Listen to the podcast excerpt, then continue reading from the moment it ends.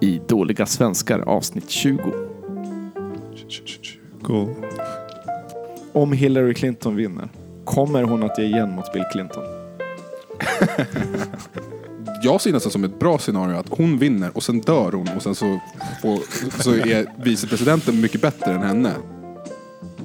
Men jag, jag hade tänkt att eh, ta upp lite saker som, som kan underlätta en om man nu har, Yes, det här behöver vi alla höra. om man har lite problem med sömnen.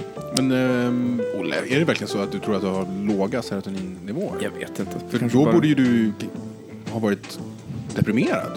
Välkommen till Dåliga svenskar, nytt avsnitt. Ja, hej Olle. Hej Rickard, vad händer? Jo, fan, jag är helt slut. Vi har nämligen deltagit i en crossfit-tävling idag. Var det idag? Härligt. Mm, idag. Vart var det någonstans? Två, två timmar i 34 graders värme. Alltså det är september och det är fortfarande 34 grader. Det är därför jag sticker till Sverige snart. Jag Mm. orkar inte med det här. Ja, det är helt Det är, en, det är en så kallad indiansommar. Eh, och det heter är Indian Summer. Mm. Och eh, vi pratade om det här häromdagen, Olle och jag. Och eh, det är faktiskt för att första gången som man la märke till att det kom en sån här sen sommar var faktiskt i olika områden i eh, Nordamerika. Och därav så kallar de det indiansommar. Inte för att det är så här varmt i Indien eller någonting. Nej, ja, jag misstänkte att det hade någonting med...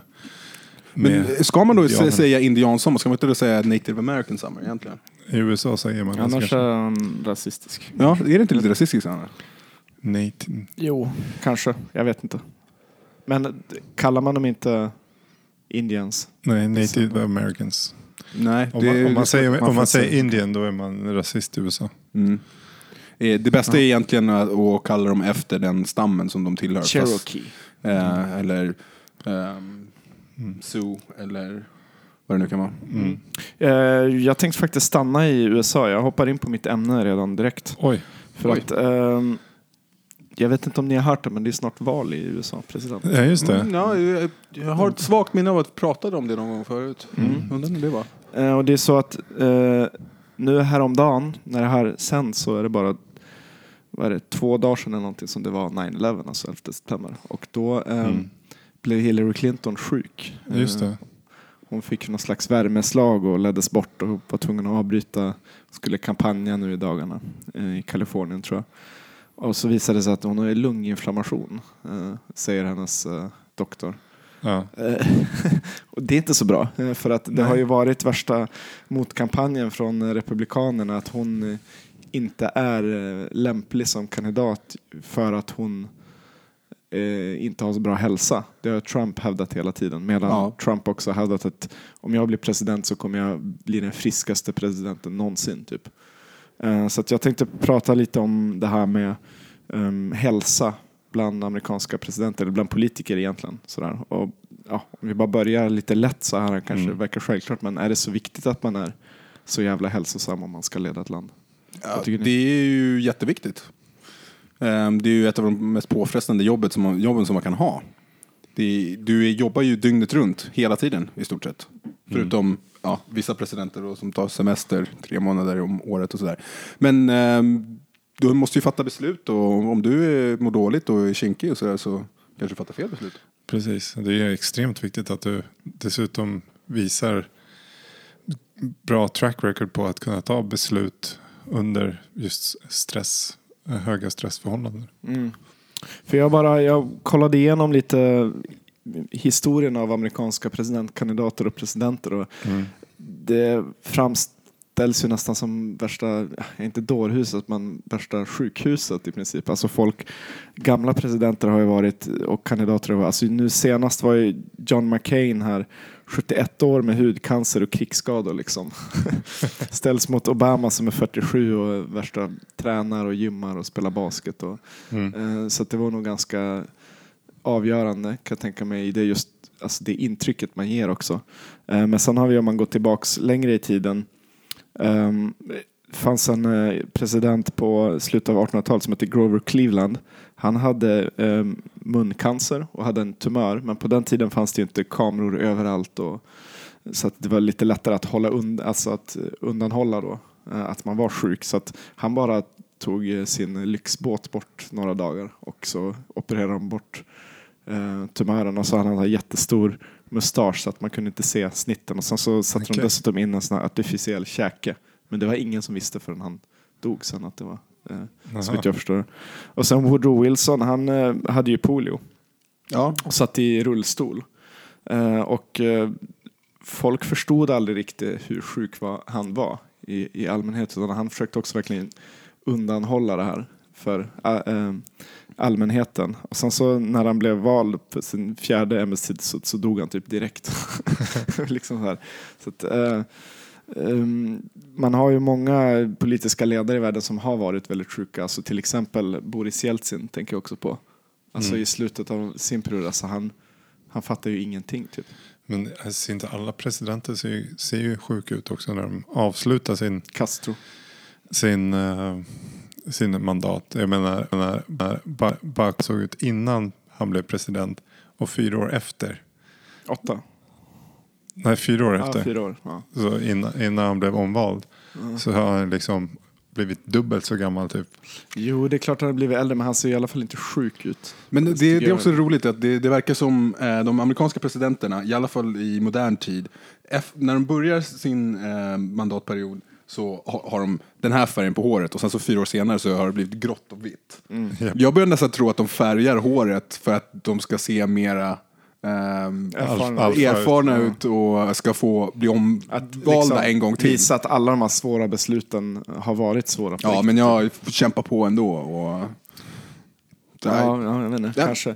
Eh, Woodrow Wilson sa i alla fall att, eh, eller rättare sagt hans fru sa att eh, eh, det var väldigt bra för mig att typ eh, styra USA eh, de senaste åren. Liksom. det är hon som, och det tänker man ju just maktens bräcklighet om en väldigt, väldigt eh, inflytelserik person egentligen inte är där riktigt i huvudet. Ja, vem är det som egentligen Ja. styr och ställer? Så att, ehm, om jag ställer frågan så här till er, för jag utgår ifrån att båda ni vill att Clinton ska bli president. Om det skulle visa sig att hon verkligen är riktigt, riktigt illa där han hälsomässigt, är det inte bättre att Trump får makten då? Nej. Ah, det beror ju lite på vem är hennes vicepresidentskandidat. Han är, verkar rätt vettig i och för sig. Mm, så att, då är det väl snarare att man hoppas på att det blir... Men, men kan, det bli, kan det bli han om, eh, det blir ju han om hon trillar av pinnen, men om hon ändå lever och liksom Men om hon inte är kapa- kapabel att utföra sitt ämbete, då Men är det han hur, som tar hur, över. hur, vem bestämmer det? Hur Det bestämmer bes- man det? bestämmer, eh, bestämmer väl läkare dels eh, och kanske det kongressen finns- bestämmer. tror inte det finns en jävla massa incitament där och intressen för att läkaren vill ju också framställa henne, liksom anställa henne Mm. antar jag. Alltså, jag, jag vet inte exakt hur de skulle lösa det men jag, jag, alltså bara rent generellt skulle jag säga ja, men nästa man i ledet i, i Demokraterna. Liksom, om det nu är eh, hennes vice... Ja, men det, det är ju alltid den som är... Det är, du har presidenten, vicepresidenten är under. Händer någonting Mm. med presidenten så går vicepresidenten in. Men jag tänker nu innan val. Alltså, hon, Ja, nej, innan Ja, vad så är det inte så mycket att göra. Nej. Alltså om hon skulle dö nu så ja, då skulle det väl även bli vicepresidenten som Jag eh, driver vidare kampanjen. Fan alltså, för jag tänkte det när jag läste det här, bara shit det här var inte bra. Nej, alltså, jag vill för- egentligen inte ha Hillary Clinton heller. Nej men nu står det mellan henne Ja, och Trump. så, att, så jag ser nästan som ett bra scenario att hon vinner och sen dör hon och sen så, får, så är vicepresidenten mycket bättre än henne. Så Ja, att, det är hårt, men eh, politi politiken är hård ibland. vadå, det är, det är liksom ledaren för en av, en av de mest, det landet med mest makt i hela världen. I alla fall tycker jag det verkar, alltså, om man kollar igenom bara de senaste decennierna, det verkar vara värsta sjukstugan. Alltså, vi hade Kerry med prostataproblem och, och Dick Cheney med hjärtproblem. Det är liksom som att när man väl har typ jobbat sig genom maktens korridorer och kommit högst upp, då har man jobbat så hårt och livnärt sig så dåligt på ett så dåligt sätt och väldigt många gånger så att då är man typ sjuk nästan. Jo, och frågan är ju som sagt hur bra, bra de är på att fatta bra beslut. Men Ja, och Helmut Det- Kohl var ju, han satt ju åt smör eh, enligt Göran Persson. Vid en eh, EU-möte där. var, Ja, jag skulle inte förvåna mig. Drack vodka och käkade smör. Ja, precis. Men eh, frågan är också, jag har inte superstor koll på det här men hur mycket makt har presidenten egentligen? För att eh, det är ju kongressen där också emellan. Så att bara för att presidenten säger att någonting ska ske så betyder det inte att det kom, kommer Nej, att det ske. beror helt på vad det är för någonting. I USA så är ju, är ju presidenten också överbefälhavare. Så presidenten kan eh, fatta militärbeslut. Alltså Till presidenten, just utrikespolitik har de ju väldigt stort ansvar inom. De kan ju starta krig faktiskt. Mm. Eh, Men det fanns något Freakonomics avsnitt som handlade om precis det här. Hur, stor, eh, hur stort inflytande har egentligen presidenten? Och dels så har de ju givetvis stort, um, alltså de har ju verkligen makten att kunna lyfta upp en specifik fråga. Ja, men min hjärtefråga är, eh, för Obama var det så här, um, Obamacare, alltså Mm. just uh, sjukvården och så. Mm. Andra presidenter har kanske andra, drug and wars eller vad det nu kan vara. Så att där har de ju en enormt stor makt och sen så kan de ju, har de ju vetorätt på allt också. Så att eh, oavsett vad de andra kommer med förslag kan de bara vetolägga dem. Liksom. Och sen så på ja, dag till dag eh, besluten och mindre besluten fattas ju av de olika eh, ministrarna. Och ministrarna följer ju presidenten. Presidenten kan ju säga åt dem, ja men justitieministern, så du ska föra en sån här politik. Men det ska ju sägas också att självklart som du säger Rickard att uh, även om, om eh, presidenten har en viss åsikt så måste det ju gå igenom massa andra instanser. Så att Mm. om man har alla andra emot sig så går det inte att få igenom någonting i princip. Men det finns några områden, då, till exempel då utrikespolitiken. Som Men det är väl det intryck jag har fått nu med just kongressen. Eftersom Mm. kongressen är republikansk och ja exakt, det blir låsning. Liksom. Ja, det är det de låser som stiftar lagarna. Mm. Ja, precis. Ehm, jag tänkte bara, eh, om vi går tillbaks till historien här, eh, så tänkte jag eh, höra lite, det finns ju väldigt fin statistik på det här med eh, presidenter självklart. Ehm, nu ska vi se, en, två, tre, fyra, fem. Av de sex senaste presidenterna i USA, inklusive Barack Obama, så lever fem. Kan ni räkna upp de fem? De fem senaste presidenterna. Nej, av de sex senaste, det är en av de sex senaste som är död. Ja, det är Reagan som är död. Ja, precis. Han, han dog ju Mm. 2004. Så Och sen efter Reagan så var det, var det Bush, Clinton, ehm, Bush. Clinton Bush. ja, precis. Det, det är sant. Och sen innan Reagan var det Carter. Då. Så att Carter lever fortfarande och sen alla förutom Ronald Reagan. Ehm, Och innan Carter så var det Ford. ja, precis. Och dessförinnan var det Nixon. Ehm, den, Borde eh, flytta till USA Max. Den eh, president som har blivit äldst, eh, det är kanske väldigt svårt att säga, men, så att ni behöver inte gissa på det heller, men det är Gerald Ford, han blev 93 år gammal. Mm. Eh, vet ni vilken president som blev yngst? Blev yngst. blev yngst om man nu kan Dog säga så. yngst, eller vadå? Dog som yngst, Mm. precis. Nej, ehm, Calvin Coolidge. Det ser jag på. Det är fel, han blev, eh, han blev 60 år. Så att det är Kennedy. ing- Kennedy är rätt, 46 Mm. blev han. Ja. Det är också en annan häls hälsorisk med att vara am- amerikansk president. Precis. Ehm, Man kan bli skjuten Man kan bli skjuten. Ja, eh, det leder mig faktiskt till eh, min nästa punkt här. Jag går in lite på ett sidospår här, eh, presidentspåret här. Fyra presidenter har mördats när de har varit presidenter. Så att förutom JFK och Abraham Lincoln, vet ni vilka det är? Washington. Nej, det är fel. Oj då. Jag känner att det går tillbaks lite i tiden och Ja. jag själv har inte heller så bra koll på alla de här. Men eh, om ni tänker på katten Smith. Gustav så kanske ni kommer på en. Garfield. Ja, precis. James Garfield hette en. Och Ja. den andra eh, tror jag nog aldrig jag hade hört innan heller. William McKinley hette han. Ja. Eh, däremot så har det... Hur dog McKinley och hur dog Garfield? Blev de också skjutna? Oj, nu blir det överkurs här. Ja. Nej, men det här är ju väldigt intressant tycker jag. Um, Medan du kollar där så, ehm, Reagan blev ju även skjuten. Precis, jag kommer dit också. Ah, Okej, sorry. Nej, det, Går in det, för hårt på ditt det, det är lugnt, det är lugnt. Eh, nu ska vi se. För det, den, den historien tycker jag är väldigt Ja, intressant. den är intressant. Den är väldigt intressant. Garfield blev skjuten två gånger 1881. McKinley blev skjuten två gånger 1901. Så att eh, det är alltså inom 20 år så blev två presidenter eh, sittande skjuten två gånger. Lite intressant. Det är faktiskt ganska våldsam eh, politisk historia ändå. Ehm, sedan JFK-mordet så har alla amerikanska sittande presidenter har det begåtts försök på att mörda dem. Eh, förutom en. Gissa vem? Carter. Obama. Nej, eh, på bägge dem har det eh, ehm, f- gjorts försök. Till och med Carter. Ja, Lyndon B Johnson ehm, var det aldrig någon som försökte sig på. Av någon anledning. Men ehm, Han var för eh, omtyckt alltså. det, det här är ju lite eh, aktuellt också, som Max var inne på lite, därför att när det här avsnittet sänds så är det bara tre dagar sedan Han som försökte mörda Ronald Reagan blev släppt ut ur fängelset. Oj då. Efter 35 år, han suttit där. 1981 så eh, var det en person som eh, försökte var knivhugga, tror jag, Ronald Reagan. Ehm, och han hade då sett den här filmen eh, Taxi Driver. ehm, där, där Jodie Foster spelar. med. Robert han- De Niro. Ja, Robert De Niro. Eh, och, han, och i den här filmen, så, för de som inte har sett den, då, så Robert De Niro, ehm, vad ska man säga, kan man säga att han har en lite romantisk affär med det här barnet, Jodie Foster, han räddar henne i någon slags prostitutionsverksamhet och sen så försöker han eh, mörda någon politiker. Eh, så att eh, John Hickley Jr., han som försökte mörda Ronald Reagan, hade sett den här filmen och blev helt besatt av Judy, Jodie Foster och eh, försökte helt enkelt imponera på henne genom att då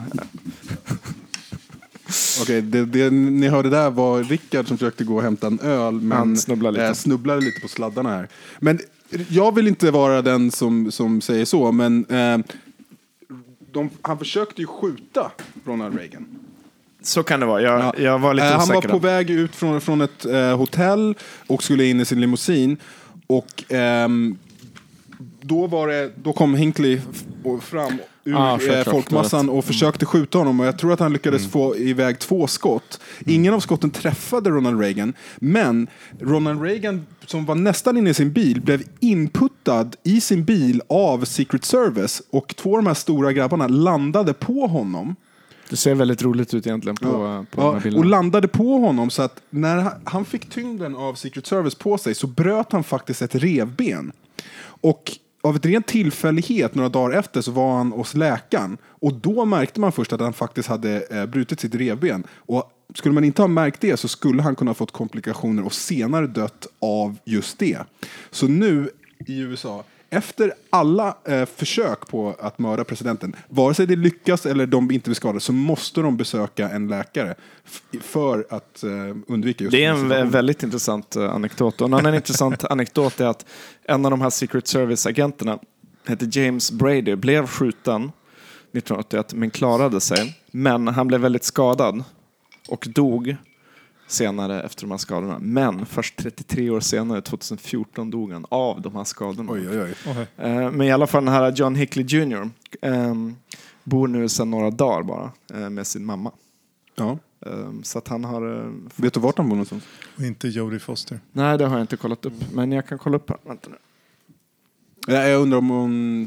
Nej, men om han bor med sin mamma då är det ju allmänt känt. Det är kul om han faktiskt folk. hade bott med... Jodie alltså han kommer från Oklahoma så att jag kan bara Ja, okej. Då, då är spekulera det att det någon, någon eh, farm ute Men det har, varit, det, har, det har varit lite, ehm, lite uppståndelse kring det här förstås. Och att folk tycker det är fel att han ska få komma ut. Eh, men eh, man får ändå säga att han har suttit... Han har suttit tid. väldigt, länge. Ja, han har, han har ju suttit- avtjänat sitt straff, tycker jag. 35 år. Och eh, är väl säkert eh, inte sådär jättefrisk heller kan jag tänka mig. Nej. Ehm, så att... ehm, Nej, och efter så lång tid i fängelse, vem är frisk efter det? Mm. Men det finns på eh, Wikipedia väldigt utförligt alla eh, kända och offentliga mordförsök. Då, ett flertal på Obama, bland annat i Turkiet och sådär. Så att det var egentligen det jag hade, lite så här sidospår kring just Clinton hälsa och eh, lite andra eh, anekdoter om presidenter. Så att bara för att eh, avslutas, avsluta ämnet så har jag två frågor. Först, vem vinner valet? Och eh, andra frågan, om Hillary Clinton vinner, kommer hon att ge igen mot Bill Clinton? Ehm, ja, det är, det är bra frågor. Ehm, jag har inte sett några sådana här undersökningar. De undersökningarna brukar ju vara ganska... Alltså det ska bli väldigt intressant att följa nu med, med tanke på den här hälsoaspekten. Ehm, När är valet?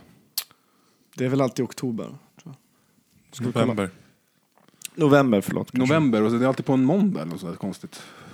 Så att folk så få som möjligt ska rösta. Nej, de har faktiskt den anledningen att ehm, de har satt det på någon dag så att alla bönder ska ha tid att ta sig till stan där de kan lägga sin röst. Men det, ibland stör jag sånt mig där. så jävla mycket på USA och deras, eh, deras författning för att allting är ju liksom bara gjort enligt 1700-tals Ja, ja.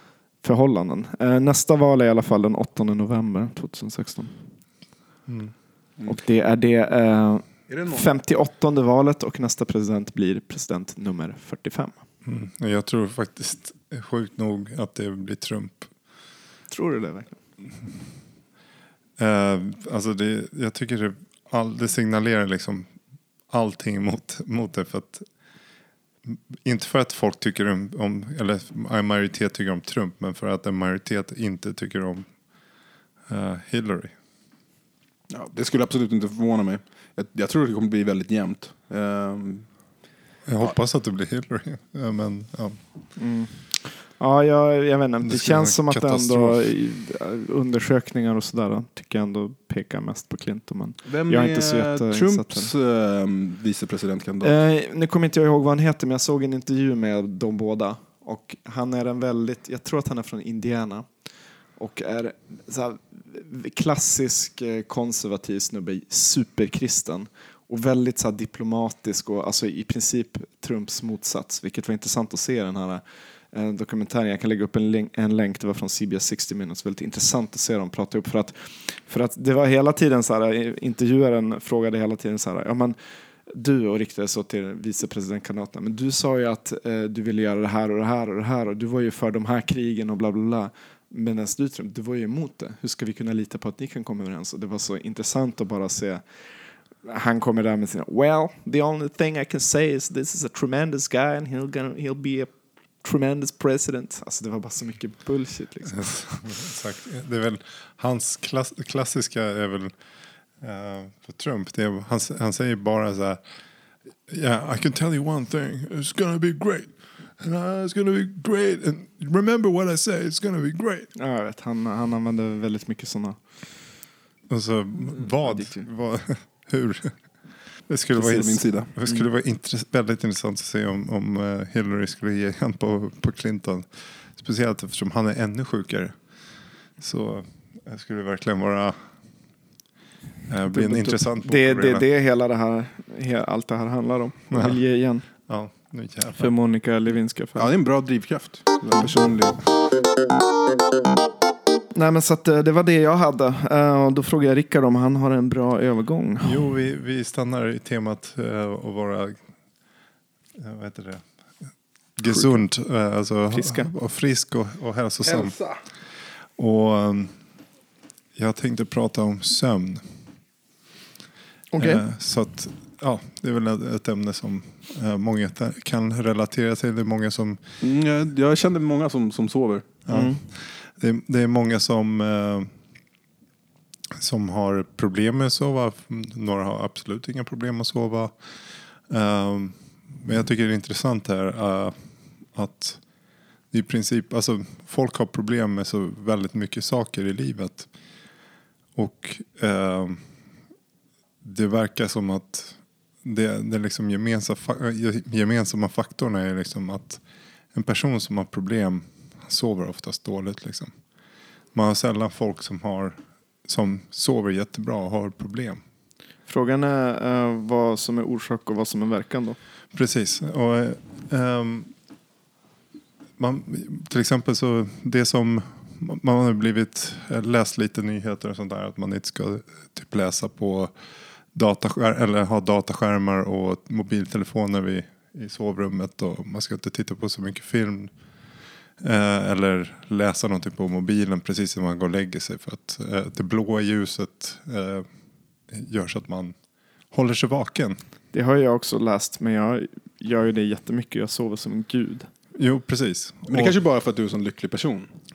Precis. Men Eller så är jag lycklig för att jag sover. nej, nej, men och, exakt. Och jag menar, eh, så du upplever att det, det här är inget problem och det kanske inte är det.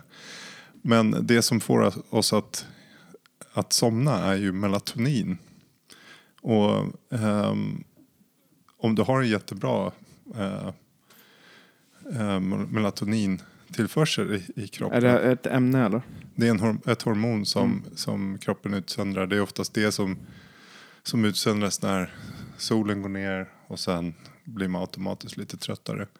Och vissa personer har bättre tillgång till det här och, än andra och kan somna lättare. Liksom. Men det, det finns en, en intressant studie som visar på att folk som har väldigt hög melatoninnivå får istället eh, problem med sina serotoninnivåer. Det vill säga om du, om du ständigt liksom kämpar på och du, du jobbar och högt stresstryck på jobbet och allting och så sover du, sover du ändå liksom bra. Så du upplever aldrig att du har problem med att somna eller med din sömn överhuvudtaget. Men ändå så kan det då leda till eh, depressioner för att, och för att du inte får tillräckligt mycket serotonin. När du... Du får nog förklara det andra begreppet också, serotonin. Så serotonin är också ett hormon. Det är ett eh, belöningshormon som vi människor automatiskt får när vi gör någonting, någonting bra för oss själva. Ja, Eh, i, i, evolutionsmässigt eh, så är det, vi äter socker så får vi serotonin. Precis. För att eh, kroppen, det är bra att äta, äta frukt om du bor i djungeln så är det jättebra. Fortsätt, ät mer frukt, det är bra energi. Men nu så har vi det Men vad kan, lättillgängligt. Så och då kan det leda till depression då om man har för dåligt. Jo, men om man inte får tillräckligt mycket serotonin så har du liksom ingen drivkraft att göra saker. För att du känner in, ingenstans inom, inom dig att varför ska jag göra det här? Liksom. Ja, och de, de flesta antidepressiva ehm, hjälper ju till med ehm, kontinuerlig tillföll, för, Försel. tillförsel av ehm, serotonin. Se till så att eh, de ehm, mottagarna som kan ta upp serotonin fungerar och tar upp mer serotonin. kan jag nog säga direkt, jag tror att om jag bara ska spekulera vilt så tror jag att jag har ehm, bara lass med överskott av det här förstnämnda eh, hormonet, Melatonin. melatonin. Och eh, eventuellt kanske lite underskott av det här serotonin. Då. Att ibland kan jag Serotonin. känna att framförallt så, nu kanske det bara är en inbillad korrelation för att du säger det, men så känns det i alla fall ibland som att ju mer jag sover, om jag tar en helg där bara sover ut så och så om det var något jag kan, vill, tänkte innan att jag skulle ta tag i så blir det liksom bara ah, att jag skjuter upp det också. Mm. Och rent, rent liksom, om man nu spekulerar rent evolutionstekniskt så är det ju så var det ju så att när vi levde i en grotta eller whatever ute på landet och det fanns ingen el och sånt där så var ju ändå, alltså stressnivån var på dagen. Och sen hade vi flera timmar att liksom kom, komma ner. Och idag så är det mer att man Man har bara det är ganska högt tryck. Eller så kommer man hem och så tittar man på tv och liksom kroppen är hela tiden igång. Och hjärnan är hel, hela tiden igång. Det finns a- eh, eh dessutom andra ämnen som, som eh, melatonin. um, ja, som kommer tillsammans med melatonin. och kallas GAPA GAPPA tror jag. Som uh, det ämnet stänger av uh, uh, ja, till, vad heter det?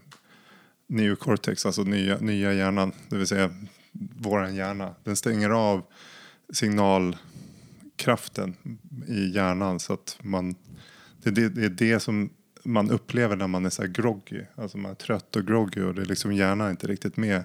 Det är att Segheten. ja, segheten och den här signalstyrkan är väldigt svag då. Man, då är man i princip på väg att somna eller man skulle kunna somna.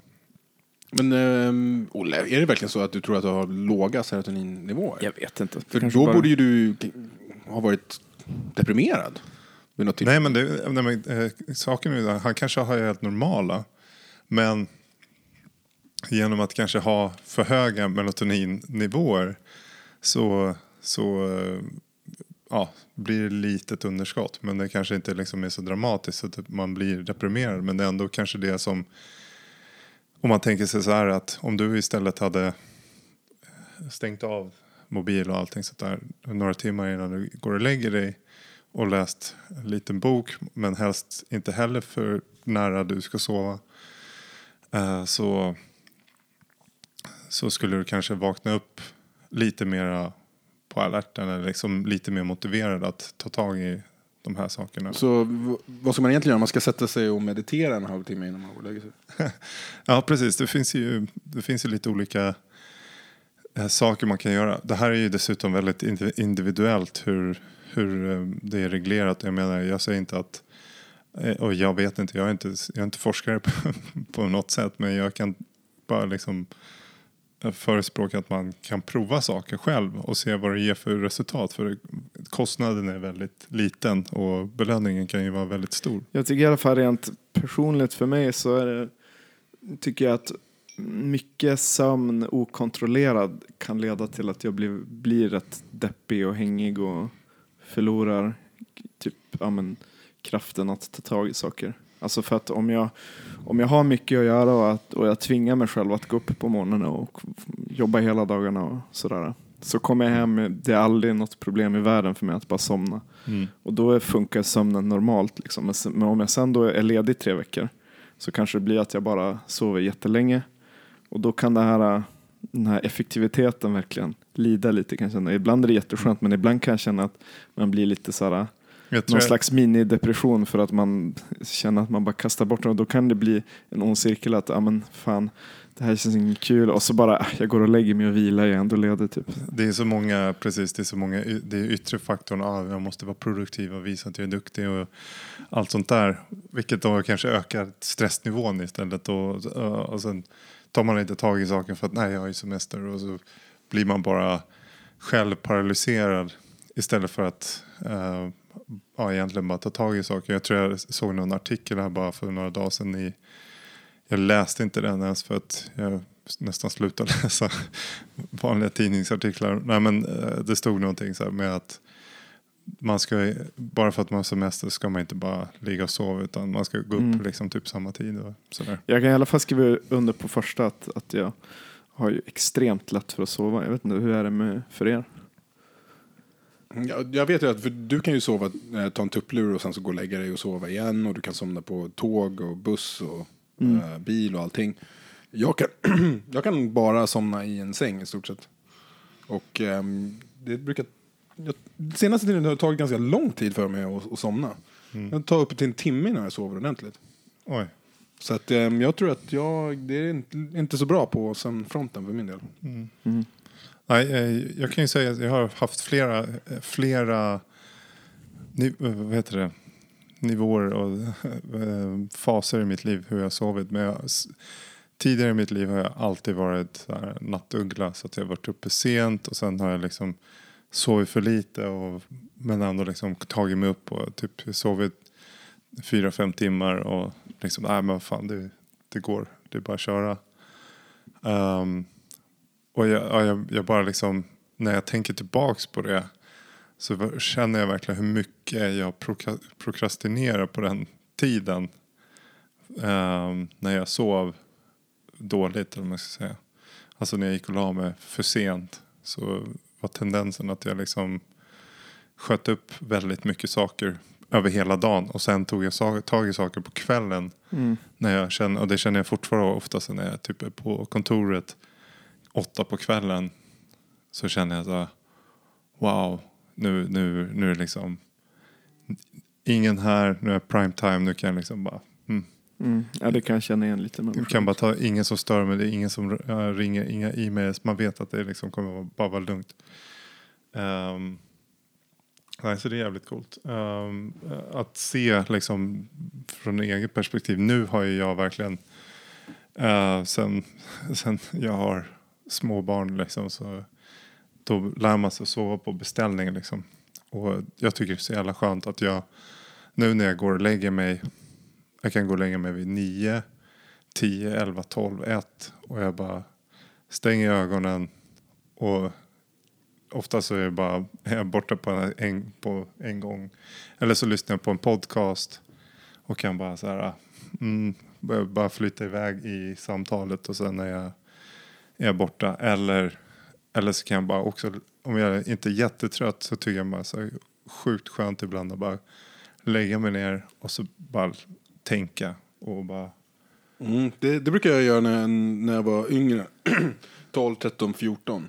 Ehm, Innan vi, datorn uppfanns. nej, det, vi hade ju datorn, men det var ju en stationär som stod, som stod i hallen. Sådär. Men jag hade faktiskt tv på mitt rum också. Precis bredvid sängen. Ehm, men ibland, ehm, minst en till två gånger i veckan, så okej, jag vet att jag måste sova eh, klockan 11 för att jag ska upp klockan sju eller jag ska upp klockan sex eller vad fan som helst. Men då gick jag och la mig klockan 10 och släckte. Bara så att jag kunde ha den där timmen, eh, ligga och tänka innan jag Det nice. eh, somna. Eh, I och för sig så var ju väldigt depressiva tankar, så det kanske inte var så bra. Men det var i alla fall intressanta tankar, även fast de var extrema och negativa. Det låter, Max är det, låter, pessimistisk realist. det, det låter som en Max-grej, har en rutin på det där också. Mm. Jo, ha rutin på depressionen. Det är- Du var ju en som, eh, ditt lördagsgodis räckte till nästa lördag Max. Nej, men det räckte i alla fall hela lördagen. Så jag, Ehm, nej. Men alltså, jag läste i någon, någon ehm, att det var någon undersökning eller någon, något experiment som, ehm, eller någon läkare som påpekar att ehm, det ska inte gå för snabbt att somna och det ska inte ta för lång tid att somna. En, en sund eh, person ska det ta 10-15 minuter att somna. Går det för fort eller tar det längre, då har du någonting eh, som inte står rätt till. Och vad är det då om det går för fort? Nu blir jag jätteorolig. Nej men då kan det ju vara till exempel att du har höga melatoninnivåer. Nej, men, eller att Eller? Du, du helt enkelt är för utmattad. Att man ska inte vara så utmattad att man, Men om eh, man- somnar den sekunden som hu huvudet träffar Men om man går upp klockan tio på morgonen, alltså på förmiddagen, tar en nap vid fyra och sen går man och lägger sig klockan ett och somnar typ innan hu huvudet når kudden. Liksom. Mm, Då då, kan det ju inte vara att man är för utmattad. Nej, så det är något fel på det Olle. Ja, okej. Mm. ja, men det är, bara, det är bra att veta. Nej, att Olle med sina naps, det är, för mig att ta en tupplur Mm. på eftermiddagen, det är som att spela rysk roulette. Det, det är en, det är en på sex att jag vaknar upp och är uppiggad. Och resten av tillfällena så vaknar jag upp och mår sämre två timmar efteråt. Precis, Mår för att du har sovit dåligt. för långt. Det där, det där känner jag igen från typ högstadiet kunde också vara riskroulette för mig. Då kunde det vara att man just är helt som en klubbad säl i två timmar och så vaknar man och vet knappt var man är de första 20 sekunderna bara shit och så typ Och då är det- genomsvettig. Då är det liksom. just det här gappa. Ja, då är det gappa-tillståndet. Gappa men, nu- men nu är det den normala sak i världen med att bara lägga mig, oavsett vilken tid på dagen. Bara nu är jag trött, jag ställer klockan på 25 minuter. Och så märker man verkligen hur man liksom rycker till eller whatever. Och sen bara, det kan kännas som att man har sovit i två timmar. Bara, ah, jag har sovit 20 minuter. Så det, Det- det som är, det finns ju lite knep det är att man om man typ Handen i vattnet, sit, sitter och sover, nej, så nej. Det är att man har en penna eller något i handen bara. Ja, så att det ramlar ner. så när man tappar pennan då är det färdigt. Liksom. Då har man, då har man Ja, så vaknar man av dunken i... Mm. Ja. Om det, om det inte var så för att, att du inte gillade i, i, liksom 35 grader värme så borde du verkligen bo i medelhavsområdet där de har siesta. Där det är helt okej att lämna jobbet, gå hem, käka lite, sova i två timmar och sen gå tillbaks till Det jobbet. finns ju sån här, jag såg i Spanien tror jag det var, har de ju en sån här siesta-tävling där de har ställt upp eh, sängar på rad, 150 sängar liksom, och så får folk tävla i siesta och eh, vinnaren somnar så snabbt som möjligt och sover så lång tid som möjligt. Liksom. Att det, skulle, det är fan en tävling för mig. Ja. Mm, hur, hur, vinnaren, hur, Nej, nu har jag ingen, Ja, eh, jag kan lägga upp på hemsidan, jag har inte det framme här nu. Hur, vi måste ju veta vad du har att Utfallet. tävla med mot här. ja visst, men det, jag räds inte Max. Men, men jag tror eh, det, ja. Vissa, Men är det vissa, på, var de här sängarna ute på torg, 35 grader värme och sol? Nej, det var det nog inte. Det var nog, såg ut som att det var någon slags köpcentrum. Typ. Ja. Mm. Ganska Be- bekvämt och ofräsch. eh. Men jag kan tycka att det är när det är mycket sol och mycket så här, alltså kanske inte buller och ljud så, men att det är något bakgrunds, liksom, och det är det som gör att, då tycker jag att det kan verka sövande och det är det som gör för på Mm. flygplan och sådär och eh, fan ha gärna radion helst på något främmande språk så att jag inte kan följa med i resonemang och så här. Det tycker jag är bara då, då kommer jag igång och somnar. Liksom. Det funkade för mig när, när jag var barn och man var med föräldrarna på en fest. Mm. Och sen så började det bli åtta, nio och det var egentligen ens läggdags. Och sen så, så bara satt man på soffan och, och, och i närheten eller ett annat rum så satt alla vuxna och pratade. Och det där sålet från pratet bara gjorde så att man somnade direkt. När man la, vilade huvudet lite. Men jag, jag är i alla fall väldigt medveten ändå om hur det är, alltså hur illa det kan vara att ha sömnproblem. För jag har varit ihop med en tjej som hade väldigt mycket sömnpro- Mm. sömnproblem. Och det, är ju, alltså, det påverkar ju hela ens liv, rakt igenom. Alltså det, är ju, Mm. och Det- det, det det, gör var det så verkligen. konst, det blev så konstigt eftersom att jag är liksom verkligen den extrem åt det andra hållet. Mm. Ehm, och ja, det kunde ju vara att hon gick två dygn utan att sova en sekund. Mm. Ja, Och så då- ska man gå till är jobbet Det är och- också någonting, någonting annat. Alltså det kan ju, Absolut, det är mycket psykiskt, självklart. så det kan vara psykiskt men det kan också vara rent mekaniskt. Att, eh, som sagt, vissa, att hon kanske inte har några melatoninnivåer. Och melatonin är ju dessutom ett antistresshormon. så att om inte du får någon melatonin överhuvudtaget då kommer du bara känna, sig- känna dig jättestressad Mm. jämt. Och så blir man stressad för att man inte kan sova. Och Mm. så. Jo men det- där har jag haft, och jag, till och med, jag har också hållit på med, jag kommer ihåg på högstadiet så eh, gjorde jag också så att några gånger att jag liksom sket i att sova några nätter. Eh, del, en, delvis några gånger så bara på, alltså rent, eh, ja, som jag gjorde rent medvetet. Men eh, vissa, vissa andra gånger så var det verkligen att jag var, jag var jag kunde, jag kunde inte sova, det bara liksom vred sig, alltså tankarna och liksom, man, man hade jättemycket o, oro och allt vad det nu var. Jag hade till exempel också nu, eh, alltså tidigare för, inte vet jag, åtta år sedan i, i Sverige så var det ju också där när man hade, jag hade precis eh, ja, startat, startat min el, egen firma liksom. Så då låg man ju liksom vaken på nätterna och angående så här, shit har jag gjort rätt med de här papperna och det här och, och shit jag måste Mm. Ja, vad, vad, vad är det? Ehm, Att starta en egen firma, att eh, gifta sig och att flytta är typ de stressigaste sakerna en människa gör i sitt liv. Mm. Jag tänker också typ vara arbetslös och sådana där. Alltså just Mm. riskanta faser i livet.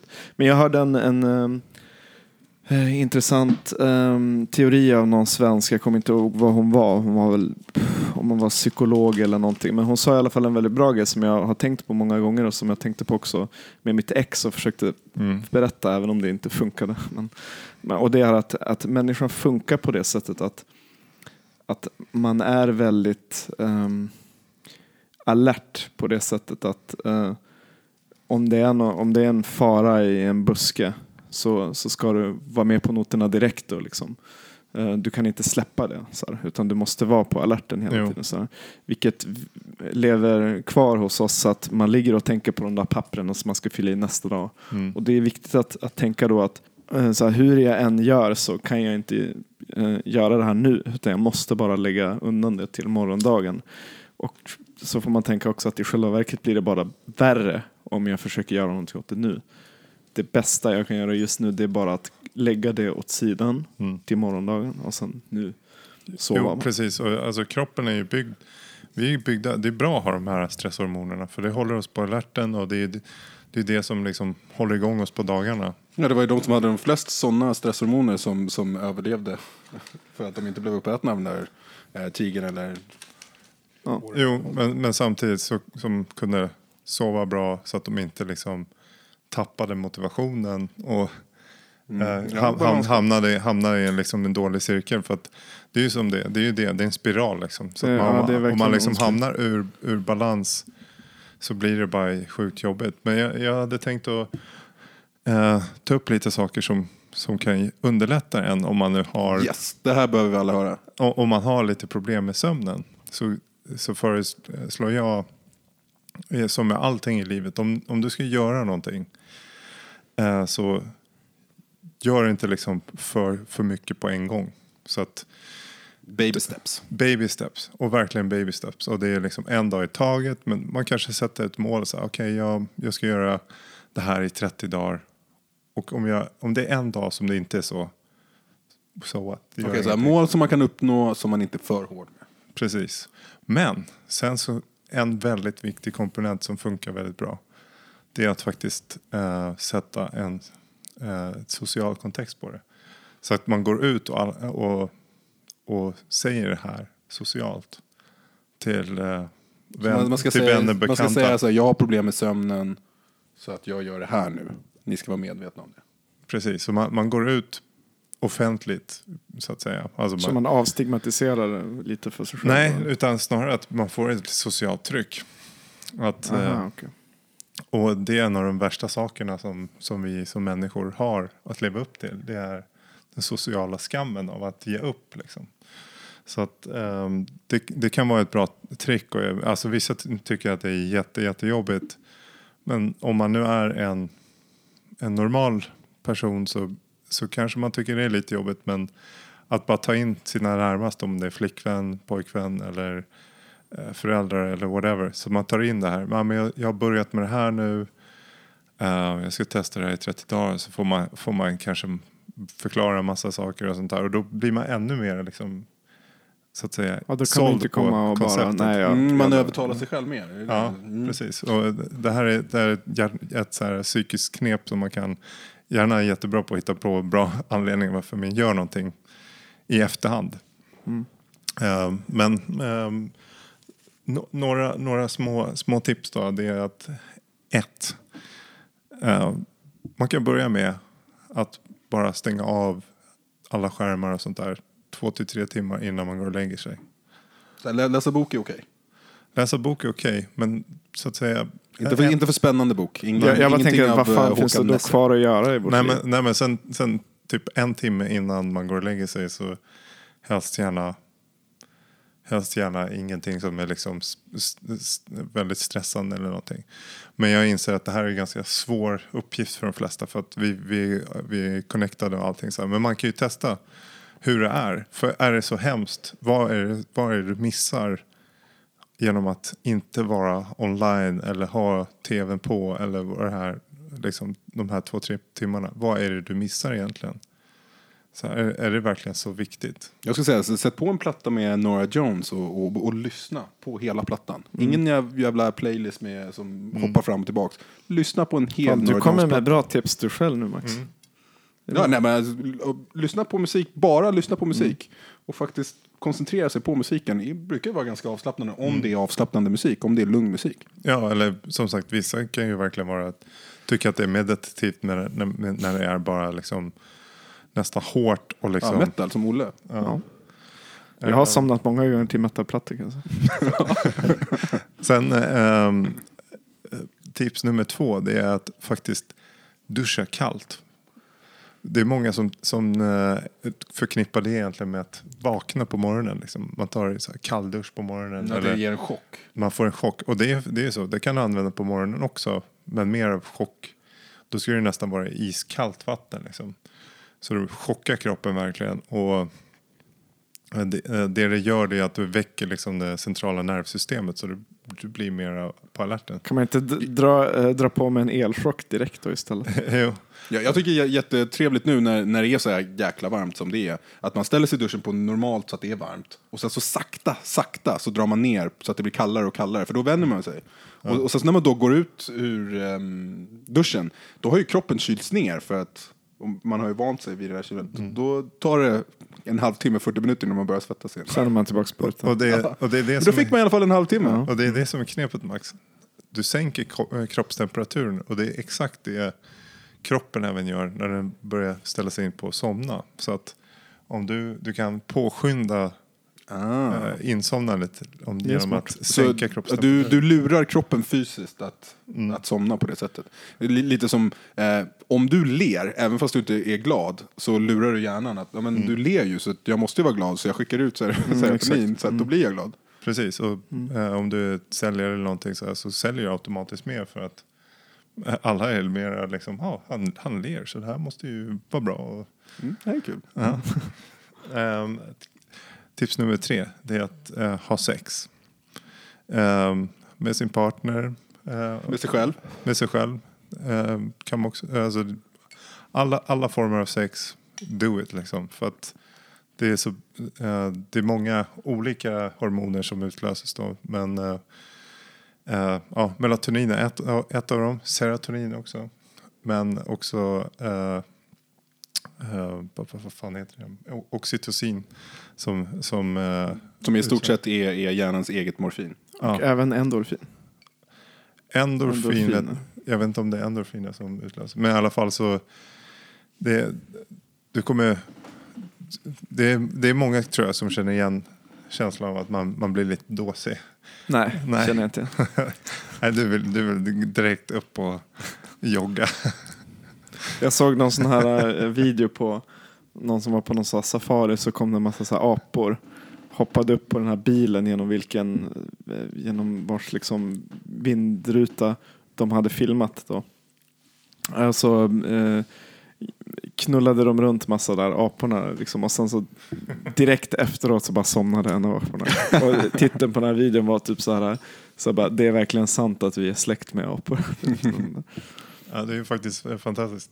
Mm. Ehm, min, min Eh, punkt fyra på min lista är att eh, om man har väldigt mycket saker som går runt i hjärnan så är det skriv en kort lista eh, innan du går och lägger dig. På liksom, det är bättre att få ut dem på papper än att ha dem i huvudet. För att när de är i huvudet så är det oftast, om man inte är väldigt eh, bra munk och mediterar mycket, så är det svårt att organisera tankarna.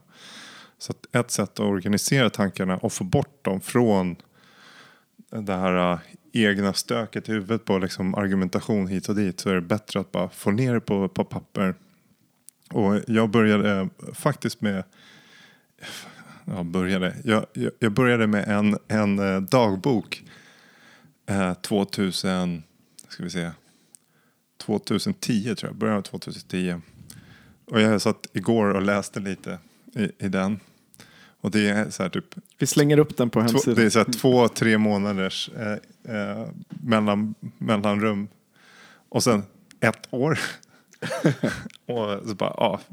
Men det står ändå så här, eh, ja, jag skriver lite så här, bara egna notiser till mig själv och liksom, jag försöker gå igenom lite saker. Och, eh, det, ja, det jag gjorde igår det var att jag började med att skriva en, en, bara en lista så med ja, vad är det för någonting jag har som ska komma nu i veckan? Vad är det för någonting som liksom Just för att kunna somna enklare. Ja, som ligger lite så här undermedvetet. Det så att tycker jag, så är jag- skitbra också. så Också att- för att bara undvika stress. Man har 71 grejer att tänka på som jag måste få gjort innan Mm, onsdag typ eller vad det kan vara. precis. Skriva ner. Jag har alltid en to-do-flik på min, mitt virtuella anteckningsblock på Jo. datorn. Jag, jag försöker leva, leva mitt liv så att jag har så få to-do som möjligt. Jo men ibland så går det inte att undvika. Du Nej, har ibland så går det inte att undvika. Som du ska Nej, det är klart. tala Men- och skicka in. Och, Ja, men så här, högst två stycken, sen så börjar det bli jobbigt ju. Jo, och precis. Och så finns det massa olika sätt. Men hur man handskas med det där. Men ett sätt, det är oftast om du har en lista så här som du har sammanfattat på kvällen innan. Om du då kan se liksom vilken punkt på den här listan som är vilken punkt på den här listan är den punkten som du liksom om du fixar den så kommer alla andra bara kännas sjukt mycket lättare. Ofta så kan det ju vara typ så här någon konflikt eller någonting sånt här som är Mm, lite konflikter är jobbiga. och, och sånt här som är lite motstånd. Och då vet man exakt, aha, det är den punkten. Det är ett jävligt Mm, den jobbigaste, gör den först. Så att, eh, ja, det, historien för att avsluta historien. Så jag skrev, började skriva på min lista så här. Och sen kom jag på, fan jag har ju min dagbok. Så jag tog fram den igen och då hade jag inte skrivit sedan 2011. så, så var det intressant att eh, läsa och då hade jag just skrivit så här. Typ min senaste inlägg var så här, ja men eh, mina egna filosofier, vad är mina principer? Typ. Och så hade jag någon princip som var just det här eliminera äh, eliminera så mycket som möjligt på to-do-listan så att säga. Alltså, Verkligen så att ta tjuren vid hornen. ja, ta tjuren, alltså om det är någonting som dyker upp, ta det på en gång liksom. Mm. Men är inte, är inte ett tips också att bara hålla sig fysiskt aktiv? Att gå och träna och liksom gå ut och springa? Jo, Ja, absolut. Lev sunt liv det Ja, måste ju exakt. vara. Absolut. Sluta, sluta supa och röka. Slupa, Men- sup, slupa rök, slu, ät ordentligt. Men undvik faktiskt att träna på kvällen. Alltså, Ja, det, jag blir så jävla trött av det. Det är perfekt för mig. för att, När jag kommer hem från gymmet på kvällen så är jag bara slocknar jag. Mm. ja, nej, Ja, nej. Men du- som sagt, ja. jag har ju mina problem istället. nej, så att, ehm, jag, jag hoppas att det har gett Ja, er nej, men, lite... eh, bra, bra där. Mm, massa tips, det är skitbra. Naturlig övergång på det Max. Ja, nej, det finns kanske ingen naturlig övergång. Ehm, jag började tänka lite på det här uh, häromdagen när ehm, den här grejen jag eh, såg på en film som heter uh, I Origin. Är det någon som har sett den? Nej. Nej. Ehm, det, eh, om jag inte misstar mig så kom filmen ut 2007, så den har ju några år på nacken. Men um, det kanske är så att när vi kollar på den så kommer jag inte säga för mycket om filmen. Men eh, den tar i alla fall upp konceptet med reinkarnation. Men är det, en rikt, är det en spelfilm? Det är en spelfilm, det är det. Ehm, och det är ju ganska intressant tanke att man då eh, efter döden hamnar i en annan kropp på något sätt.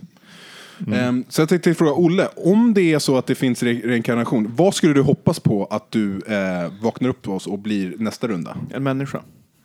Okej, du blir människa. Är det någon så här specifik typ av människa? En människa utan sömnproblem. i alla fall. Ah, Okej. Nej men en... eh, Väl, låter ju väldigt exotiskt. Det, det är inte så att du, du skulle vilja prova och på, på kanske vara eh, en snabb 100 meter löpare från Jamaica eller ehm, en kung fu-mästare i Kina eller en Jo, eh, varför vä- inte? väldigt Varför inte? ehm, sexig inuit eller någonting. eller? Nej men jag kan väl börja med att eh, eh, leva livet som en kvinna. Pröva Mm. något. Ja, det skulle vara intressant. Mm. Ehm, vad, vad är det första du skulle göra om du, om du vaknar upp och var kvinna? Tänk, att Men du... vaknar upp, är jag spädbarn då eller? Ja, nej, men, Eller är jag liksom 34? ja, men låt oss säga att du, du bara vaknar upp, för det är intressant att du säger att du eh, Vill bli kvinna. Vill, vill bli kvinna. Ja, Alltså, jag skulle Ja. också vilja prova på, på, på det. Men har jag redan ett liv då? Ja, men, och så? låt oss bara säga att du, du vaknar upp imorgon och du är kvinna. Du, du är Olina. Och du vaknar upp i din säng och all, alla har känt det hela sitt liv och du har varit Olina hela ditt liv. Men, det- du inser, shit, jag är kvinna idag. Det här var jag inte igår. Det här var ju konstigt. Det självklara, självklara svaret på den frågan som alla vet Mm. är att man självklart kommer först att onanera. Ja. Eh, Och sen ha sex. Men skulle du ha sex med en man eller en kvinna? Det är frågan. Har jag då, är jag då heterosexuell? Alltså, du vaknar bara upp och sen så är du en kvinnas kropp. Okej, då Och, kommer jag men vara- alla, alla, Då kommer jag klassas som homosexuell. Om alla, jag då känner, bär alla känner min- dig som kvinna. Eh, Om du frå, frågar någon så här, "Hej, vad fan är det som har hänt? Jag är kvinna idag. Vad fan snackar du om Olina? Du har ju alltid varit kvinna. Det här, det här är ju en film, film som jag känner igen någonstans. ja, det är klart. Det finns flera sådana när de så här byter kroppar och själar och sådana här saker. Kommer jag uppleva, uppleva samma dag om och igen. Ja, det skulle vara en till twist på det hela. Nej, men jag, jag tror att de flesta grabbarna faktiskt, om de vaknar upp som kvinna imorgon så skulle de faktiskt så här, typ, låsa dörren och onanera. Och två dagar. tvärtom skulle jag nog vilja påstå om varje kvinna som skulle vara Ja, men sen så efter en kvart så skulle man inse att ja, men det här var inte så skoj. Och så skulle de gå ut och mucka gräl med varandra. Någonting kul. men men Rickard, vad, vad skulle, skulle du eh, hoppas på att eh, bli återfödd som? Alltså jag tänker ju lite så här att alla vi, alltså man föds med lite olika verktyg men rent generellt så är liksom de flesta inte särskilt långt ifrån att vara någonting ex- exceptionellt. Så att eh, alla av oss har egentligen potential att vara eh, ja, typ en av världens snabbaste i löpare eller någonting sånt där. Nej. Nej. Inte Max. Inte Bara Max. genetiskt sett så är det väldigt få som kan springa så snabbt. Du måste liksom från vara född så för att kunna upp, uppnå eh, den elitstatus och, och kunna springa så snabbt som du Jo, jag förstår det också. Men jag, Visst, jag, du kan, du kan ju, vem som helst kan, kan ju lära sig att bli den snabbaste versionen av, versionen av dem själv. Men Mm, att precis. kunna vinna OS-medalj i 100 meter. Nej, och det säger jag, men jag säger att om vi tar, tar till exempel Usain Bol- Bolt i det här. Så han, han kanske, alltså han är, har Han är byggd han för är excep- exceptionella gener, ja. Men det kanske även hundratusen andra har.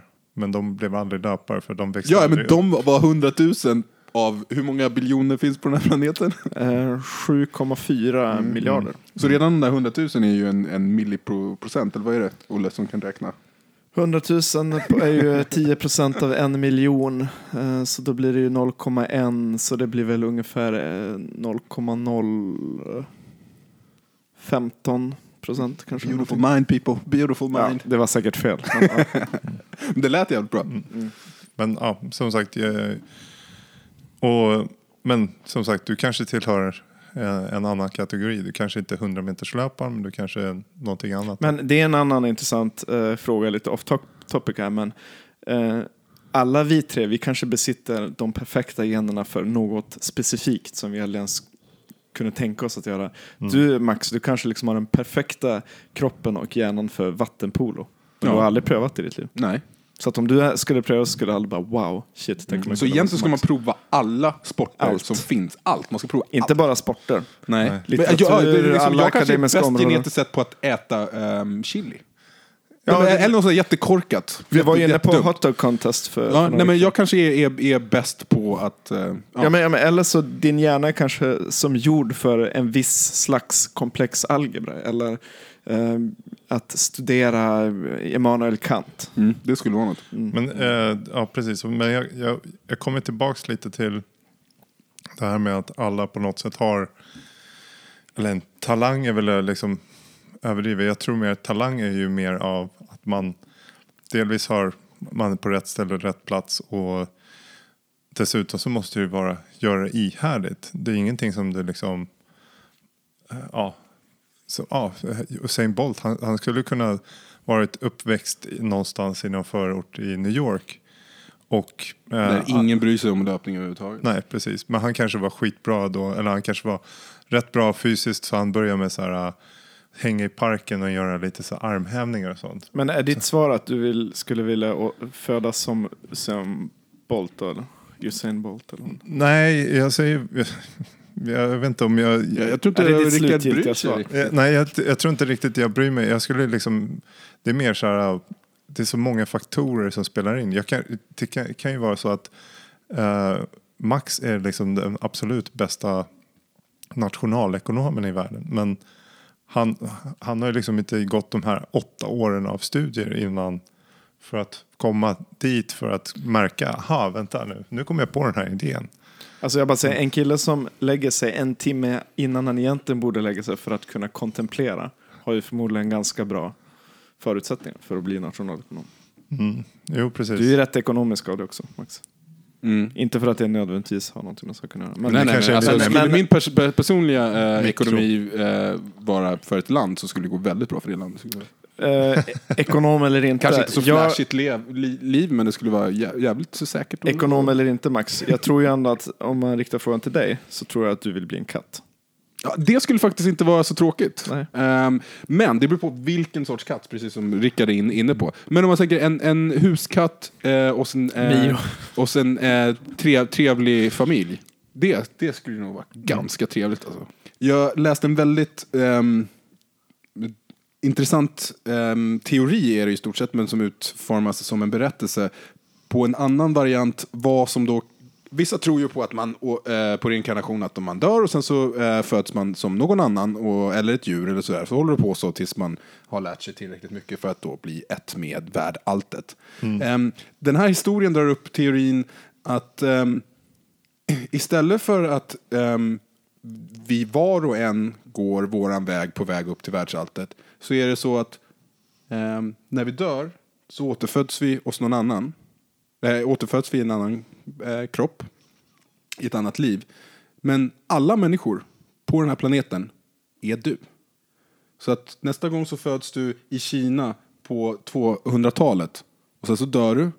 Och så, så lär du dig någonting under din livstid. Och sen så när du dör så då är du helt plötsligt eh, um, Woodrow Wilson i, USA. Och sen så lär du dig någonting av det, det, det livet. Och hela planeten är egentligen bara en person som är alla personer, olika versioner av sig själv, tills vi har, har eller personen har lärt sig eh, allt som den ska lära sig. Och när den är klar med det, då uppgå till att eh, vara någon form av ja, gud. Nirvana. Mm. Men okej. Okay, um, ehm, så att på så det här sättet så med att, all, eh, teorin är ju i stort sett att alla vi, alla människor genom hela historien är samma person. Men så, att, vi så är ett. Den personen jag köpte den här ölen av på kiosken. Alla vi tre. Det, det var mig i något tidigare liv. Ja. Eller är mig i något framtida, framtida liv. Och alla som har levt har varit jag och alla som kommer leva är jag. Mm. Mm. Tills du inser. Så att man lever om många, många miljarder gånger. Men... Ja, tills du har lärt dig tillräckligt mycket för att då gå vidare.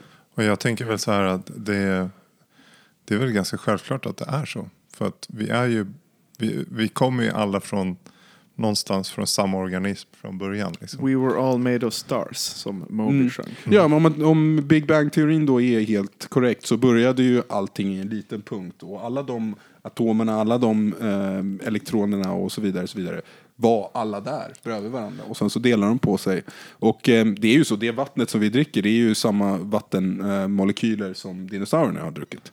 Som mm. bara har gått runt i, i ekosystemet. Men, men eh, jag, jag förstår inte riktigt. För menar du då, för min lärare på mellanstadiet. Eh, hon sa ju att det, det var att vi även, man vet inte om vi var ägget eller hönan. Så var vi... Mm, ägget kom först. Men, um, nej men, um, den här teorin säger då att vi tre sitter ju i ett rum. Mm. Uh, men det är bara att vi är egentligen samma väsen. Men jag tycker det låter lite konstigt för att det finns någon slags eh, given slutpunkt för hela den här reinkarnationsprocessen. Fast den är flexibel. Det kan hända antingen nu för att du har blivit fullärd eller så kan det hända om 10 000 år när du har levt genom flera hundra eh, eller tusen personer. Mm. Så att om du är fullärd efter att ha levt som tusen personer så kommer det ju inte ha varit alla andra personer som också levde.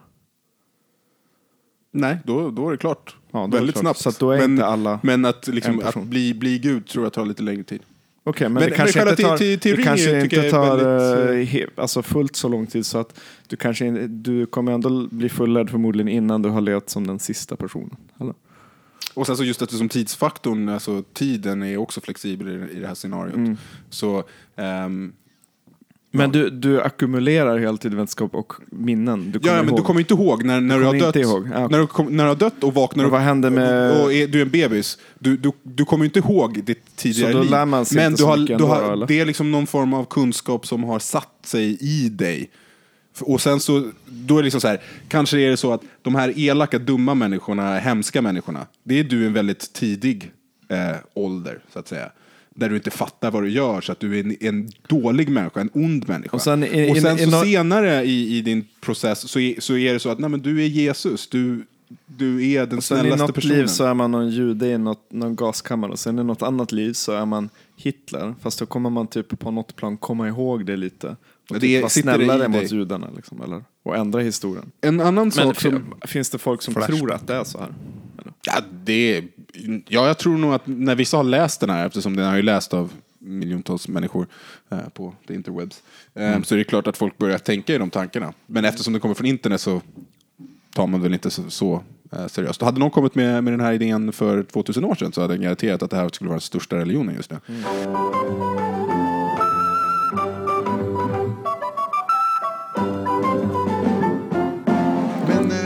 Ska vi dra en gång en eh, topp fem? Det tycker jag vi Ja. kan göra. Toppen! Topp Mm. Ja, och fem. ehm, den här veckan så handlar det om pinsamheter. Pinsamt. Så här har vi då eh, en topp fem-lista med saker som är eh, pinsamma. Ja, och vi har en liten bubblare eh, innan Mm. vi börjar med topp fem. Eh, själva listan då, har jag förstått. Jajamensan. Ehm, på nummer fem så har vi ju ehm, rätta någon och själv ha fel. Var det bubblaren eller? Nej, nej, det här var nummer fem. Det var nummer fem. Vi har en bubbla. Vi, vi Mm. tar bubblan sist. Eller? Ja, vi tar bubblan sist. Okej. Och ehm, ehm, Olle, du, har, du har, eh, har ett bra exempel på det här. Nej, eh, det har jag inte. det var Eh, inte det är den. klart Olle inte har något bra exempel på det här. Jo, eh, jo nej, men det, eh, det är väl klart att man har rättat folk och haft fel. Det är ju pinsamt. Eh, det har jag gjort även här i podcast. Att en, ja, insatta lyssnare kan ju höra av sig om de har märkt när jag har rättat någon här och själv haft fel. Mm, Det är ju väldigt pinsamt sen när- när man kommer på det. Som tur var så, den här hamnar på fem, som oftast när man kommer på att man har varit pinsam så, så kommer man ju på det efter, så att man är ju inte i den sociala situationen längre. Utan det är mer en sån här, fan vad pinsamt, då man slår sig själv i huvudet. Ja, men det, det är verkligen så här, eh, oftast eh, när man typ insisterar på att du har fel och jag har rätt. Så går man hem och googlar och så bara, jag hade ju fel. Och jag kan, kan bara tänka mig, hur ofta måste inte det ha hänt innan internet? När, när ens föräldrar satt uppe en halv kväll och diskuterade fakta. Då måste man ju slå upp det i Nationalencyklopedin. Och om man inte då hade en Nationalencyklopedin till hands på scoutlägret i eh, Järfälla 72. Kommer, liksom, kommer, vad, ni, vad kommer ni ihåg det här sms 118 118? Det är ju, snacka om att det är obsolet nu för tiden. Undrar om det fortfarande finns. Och eh, på plats två, någonting som har hänt... Två. Nej, Fyra. plats två. Fyra. Nu jag hoppar. Nu rättade jag det, men nu hade jag Ja, rätt. men nu hade du rätt.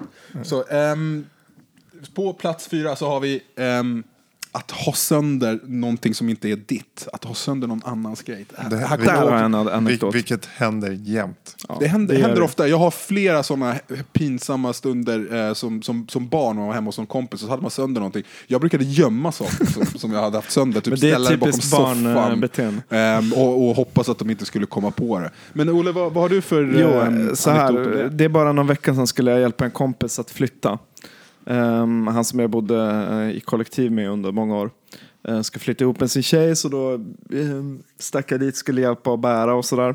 Och så bar vi in, och innan, precis innan eh, vi sätter igång så visar han mig, Olle kolla här jag har köpt ett, ett bord, ett matbord och det är skitfint. Det är sånt här gammalt bord som har restaurerats upp liksom. Och gjorts fint. Det här låter inte bra. Ni sitter och, och, skakar liksom på huvudet.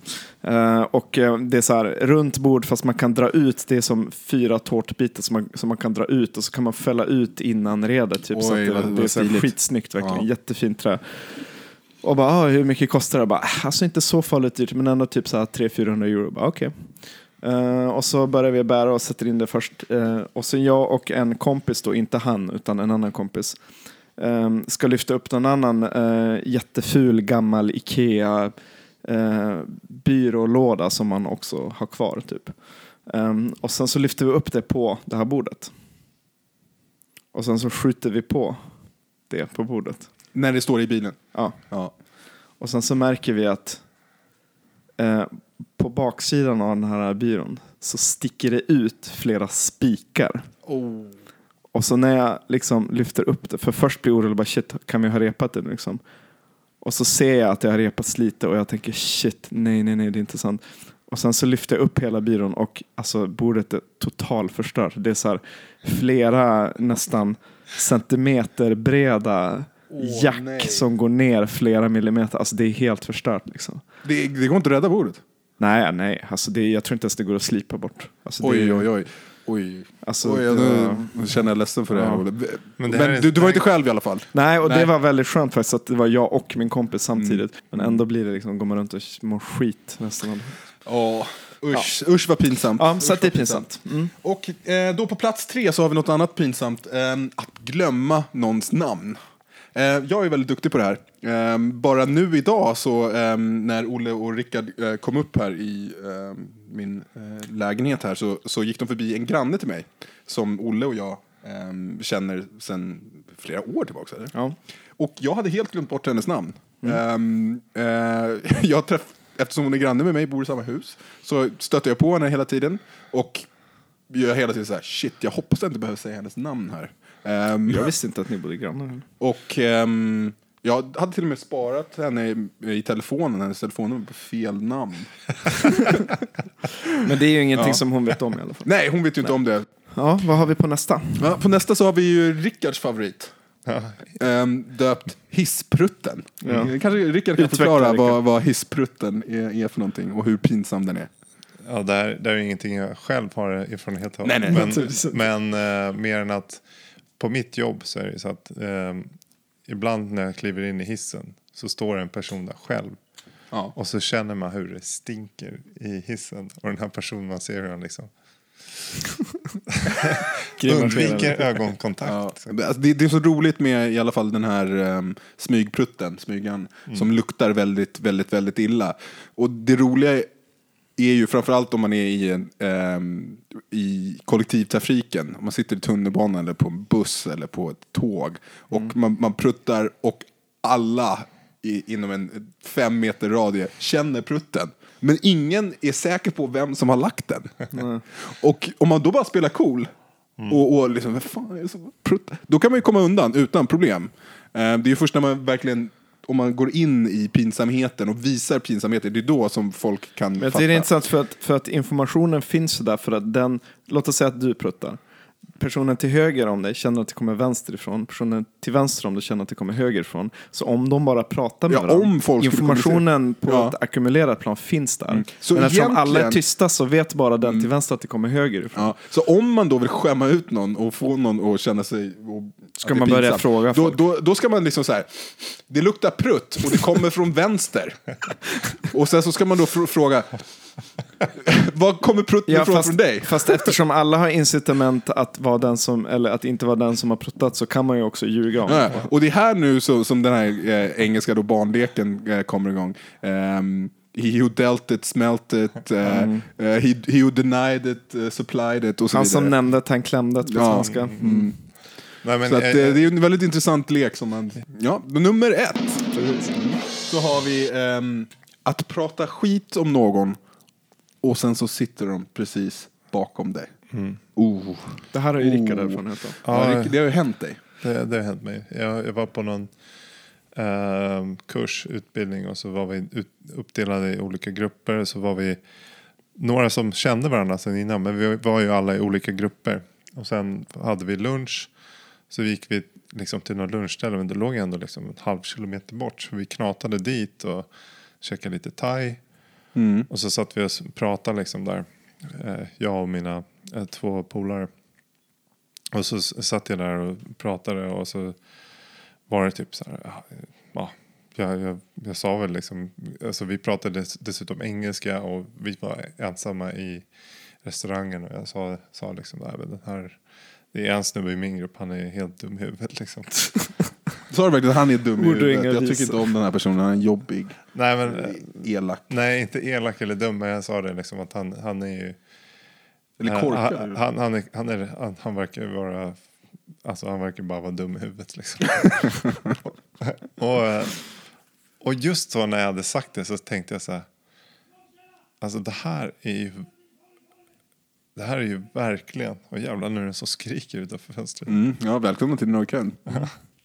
Um, nej men, eh, så tänkte jag så här. Um, alltså det här är ju ett typiskt läge när någon är, som man pratar om, befinner sig bakom ens rygg. Så jag vände mig om långsamt och så tittade jag med så här om axeln så bara, det sitter en person där. Var fan kom han ifrån?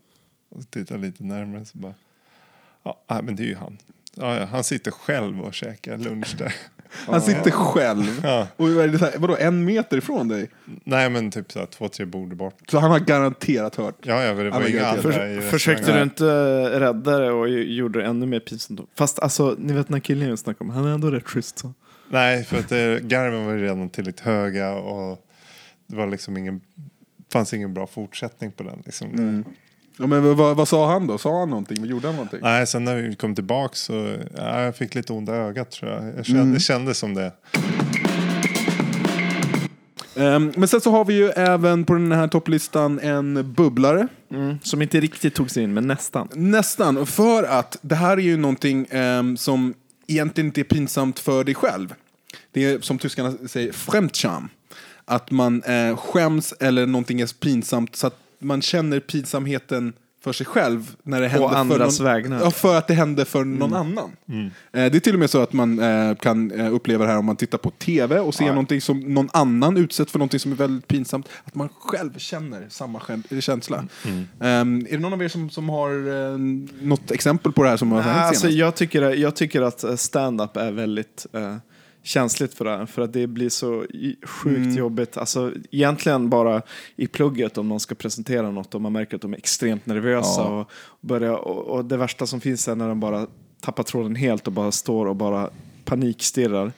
Mm. Ehm, men med stand-up framförallt, någon kommer upp, det är en liten bar, man är 15 pers och så drar de några vitsar, några skämt och ingen skrattar. Mm. Det är ju, alltså, då vill man ju bara försvinna. Även om jag, vem är jag? Jag bara sitter här och tittar på egentligen. Mm, men ändå så du lider så mycket mer. Ja, det är ju inför mig den här personen skäms egentligen, men jag skäms ju också. Och bara liksom, atm- hela atmosfären blir pinsamt och alla Men det, men det har jag hört att det ska man vända till sin fördel när man är eh, på presentera-sidan och ska framföra någonting. För att i och med att det här fenomenet finns så är ju publiken med det, de är på din sida. Ja. Och det ska man tänka på om man hå- håller ett föredrag eller en presentation eller vad det nu kan vara.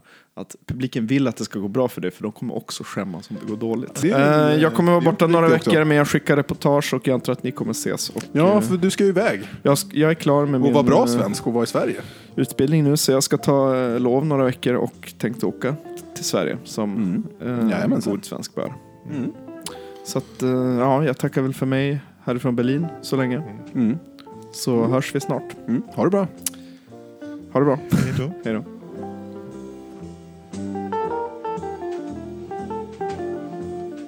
Kolla in oss på därligasvenskar.se och spamma oss på riktigt snabla därligasvenskar.se. Följ oss på Instagram och eh, Facebook och på inte Twitter. Och jag har även ett kedjebrev som jag har startat. Så kan jag också försöka. Okej, puss.